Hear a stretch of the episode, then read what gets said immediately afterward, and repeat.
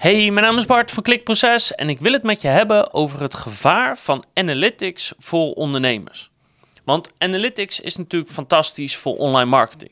Sterker nog, het is natuurlijk absoluut noodzakelijk, die analytics voor online marketing.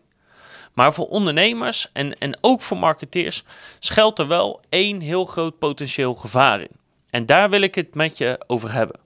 Om te bepalen wat dat gevaar is en wat je eraan kan doen om te zorgen dat je daar geen last van hebt of geen moeite mee hebt. Welkom bij Klikproces met informatie voor betere rankings, meer bezoekers en een hogere omzet. Elke werkdag praktisch advies voor meer organische groei via SEO, CRO, YouTube en Voice. Veel ondernemers zijn in meer of mindere mate control freaks. Die houden van controle, die willen graag controle hebben over hun bedrijf.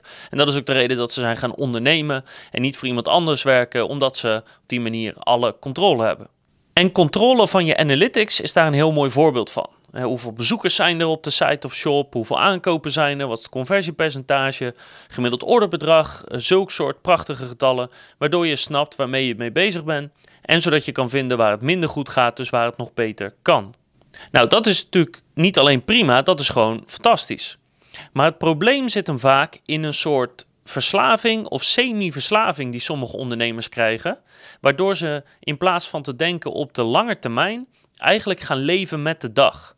En een soort verslaafd worden aan het controleren van hun analytics en of het wel goed gaat. Ik heb een voorbeeld van een webshop die draait bijvoorbeeld een, een order of vijf per dag, normaal gesproken. En die heeft opeens uit het niks op een dag 16 orders gedraaid. En dit terwijl er niks fundamenteel gewijzigd is in de advertenties die ze draaien, in de SEO, in de e-mailmarketing, in wat dan ook. Dus uit het niks draaien ze 16 orders. Als je nu een ondernemer hebt die zeg maar semi-verslaafd is aan zijn analytics, dan begint hij helemaal te stuiteren. En dan gaat hij meteen vragen van oké, wat hebben we die dag anders gedaan? Hoe zit het precies? Wat is er anders geweest? En hoe kunnen we dit resultaat gaan dupliceren? Op zich logisch als je opeens drie keer zoveel verkoopt dan normaal. Alleen dat is ook wel een heel groot probleem. Want heel veel mensen moeten opeens daar tijd en, en resources voor gaan vrijmaken. Terwijl het heel goed kan dat dit gewoon statistisch gezien, ja, weet je, als je gemiddeld vijf draait, dan heb je wel eens zo'n uitschieter. Het kan heel goed voorkomen dat er hierna drie dagen zijn dat je niks verkoopt en dat je weer statistisch gezien gelijk wordt. Het kan dus ook heel goed zijn dat er geen goede verklaring is voor waarom er opeens zoveel verkopen zijn op een dag ten opzichte van het gemiddelde. Dus als je één zo'n dag hebt die heel erg goed is, dan is het antwoord waarschijnlijk van waarom dat zo is, van ja, geen idee, weten we niet precies. En andersom precies hetzelfde. Als er opeens een dag heel slecht gaat, dat je niet vijf orders draait, maar nul, dan is daar waarschijnlijk ook geen verklaring voor. Ja, het kan met van alles te maken hebben. Gewoon hè, statistisch gezien is het helemaal niet raar dat als het gemiddeld 5 is, dat je ook een dag van 0 hebt en ook een dag van 10 hebt. Het kan in het weer liggen, het kan in het seizoen liggen, het kan gewoon om wat voor reden dan ook een slechte dag zijn. Je, er kunnen wel honderden redenen voor zijn en je vindt niet altijd de oorzaak daarvan. Maar door iemand te sturen op de dag, ga je heel veel tijd verspillen om iets te achterhalen, wat waarschijnlijk helemaal niet te achterhalen is. En als je naar het gemiddelde zou kijken van bijvoorbeeld die maand of van dat kwartaal, dan zou dat waarschijnlijk niet eens opvallen. Eén zo'n uh, dag wat toevallig die verkopen heel hoog of heel laag liggen. Er is namelijk nog steeds gewoon zoiets als toeval. En daarom is het zo belangrijk om je niet door die analytics en door die snelle voorziening van informatie te laten verleiden om met de dag te gaan leven. En ook om te snappen dat als je gemiddeld een aantal orders draait, dat het heel normaal is dat je er soms wat boven en soms wat onder zit. En dat het ook in sommige gevallen wel heel veel erboven of heel veel eronder kan zijn. Het doet me namelijk een beetje denken aan een verhaal wat ik wel eens gehoord heb van topsporters. En dat verhaal gaat namelijk als volgt. Je hebt een topsporter en het maakt niet uit in wat voor sport, maar laten we zeggen een schaatser. En die schaatser doet normaal gesproken een minuut over een rondje.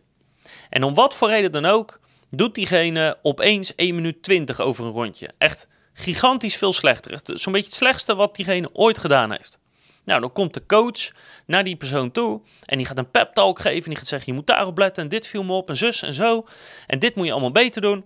Hup, ga maar het ijs op en doe maar nog een keer. En wat zie je? Ja hoor, het rondje daarna uh, is de tijd gewoon 1 minuut 2. Gewoon prima in lijn met de normale tijden. Dan denkt die coach bij zichzelf: ja, zie je, weet je, het ging niet zo goed. Ik heb een pep talk gegeven en nu gaat het wel goed.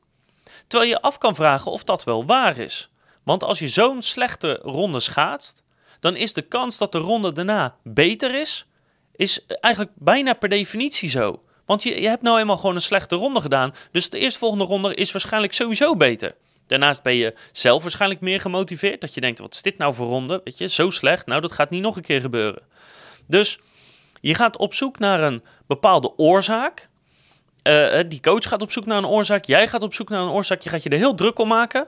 Terwijl als je helemaal nergens over na zou denken. en gewoon na dat slechte rondje nog een rondje zou maken. zou die waarschijnlijk alweer veel meer richting het gemiddelde zijn. Want het is nou eenmaal een gemiddelde, die minuut. En dat betekent dat je wel eens uitschieters naar boven en naar beneden hebt. Andersom dus ook, als je opeens heel erg snel een rondje schaatst, dat je opeens uh, eh, 50 seconden schaatst, dan moet je ook niet helemaal suf gaan piekeren van ja, wat heb ik nou anders gedaan? Ja, misschien wel niks, misschien zat alles gewoon toevallig even mee en toeval is gewoon nog steeds iets wat bestaat. Je had gewoon even mazzel, toevallig ging alles goed en de volgende keer ben je waarschijnlijk langzamer wat je ook doet, de volgende keer ga je die 50 seconden waarschijnlijk niet nog een keer halen. Tenzij je echt iets heel significant anders hebt gedaan. Maar meestal is dat niet zo. Kijk, ik geloof heilig in analytics. En analytics is cruciaal om uh, datagedreven je organisatie te laten groeien. Maar vergeet alsjeblieft het leven met de dag, het elke dag je orders checken, eh, je sales checken, je conversiepercentage, je bezoekersaantallen. Je gaat nu eenmaal betere dagen hebben, je gaat nu eenmaal slechtere dagen hebben. En als het goed is, als je bepaalde KPI's bijhoudt over een langere tijd, dan zie je daaraan vanzelf of het goed of slecht gaat met de shop. En niet met één specifieke dag, want het kan elke dag gewoon een keertje regenen en het kan elke dag gewoon een keertje zonnig zijn. Ik zou zeggen, leef niet met de dag. Kijk vooral vooruit en probeer in elk geval per maand te redeneren om op die manier te zien of je onderneming omhoog gaat of niet. Ik zou zeggen, succes, zet hem op en ik hoop dat je de volgende keer weer kijkt leest of luistert. Want dan heb ik nog veel meer klikproces stories en advies voor je over ondernemerschap. Maar ook op het gebied van SEO, conversieoptimalisatie, YouTube en voice.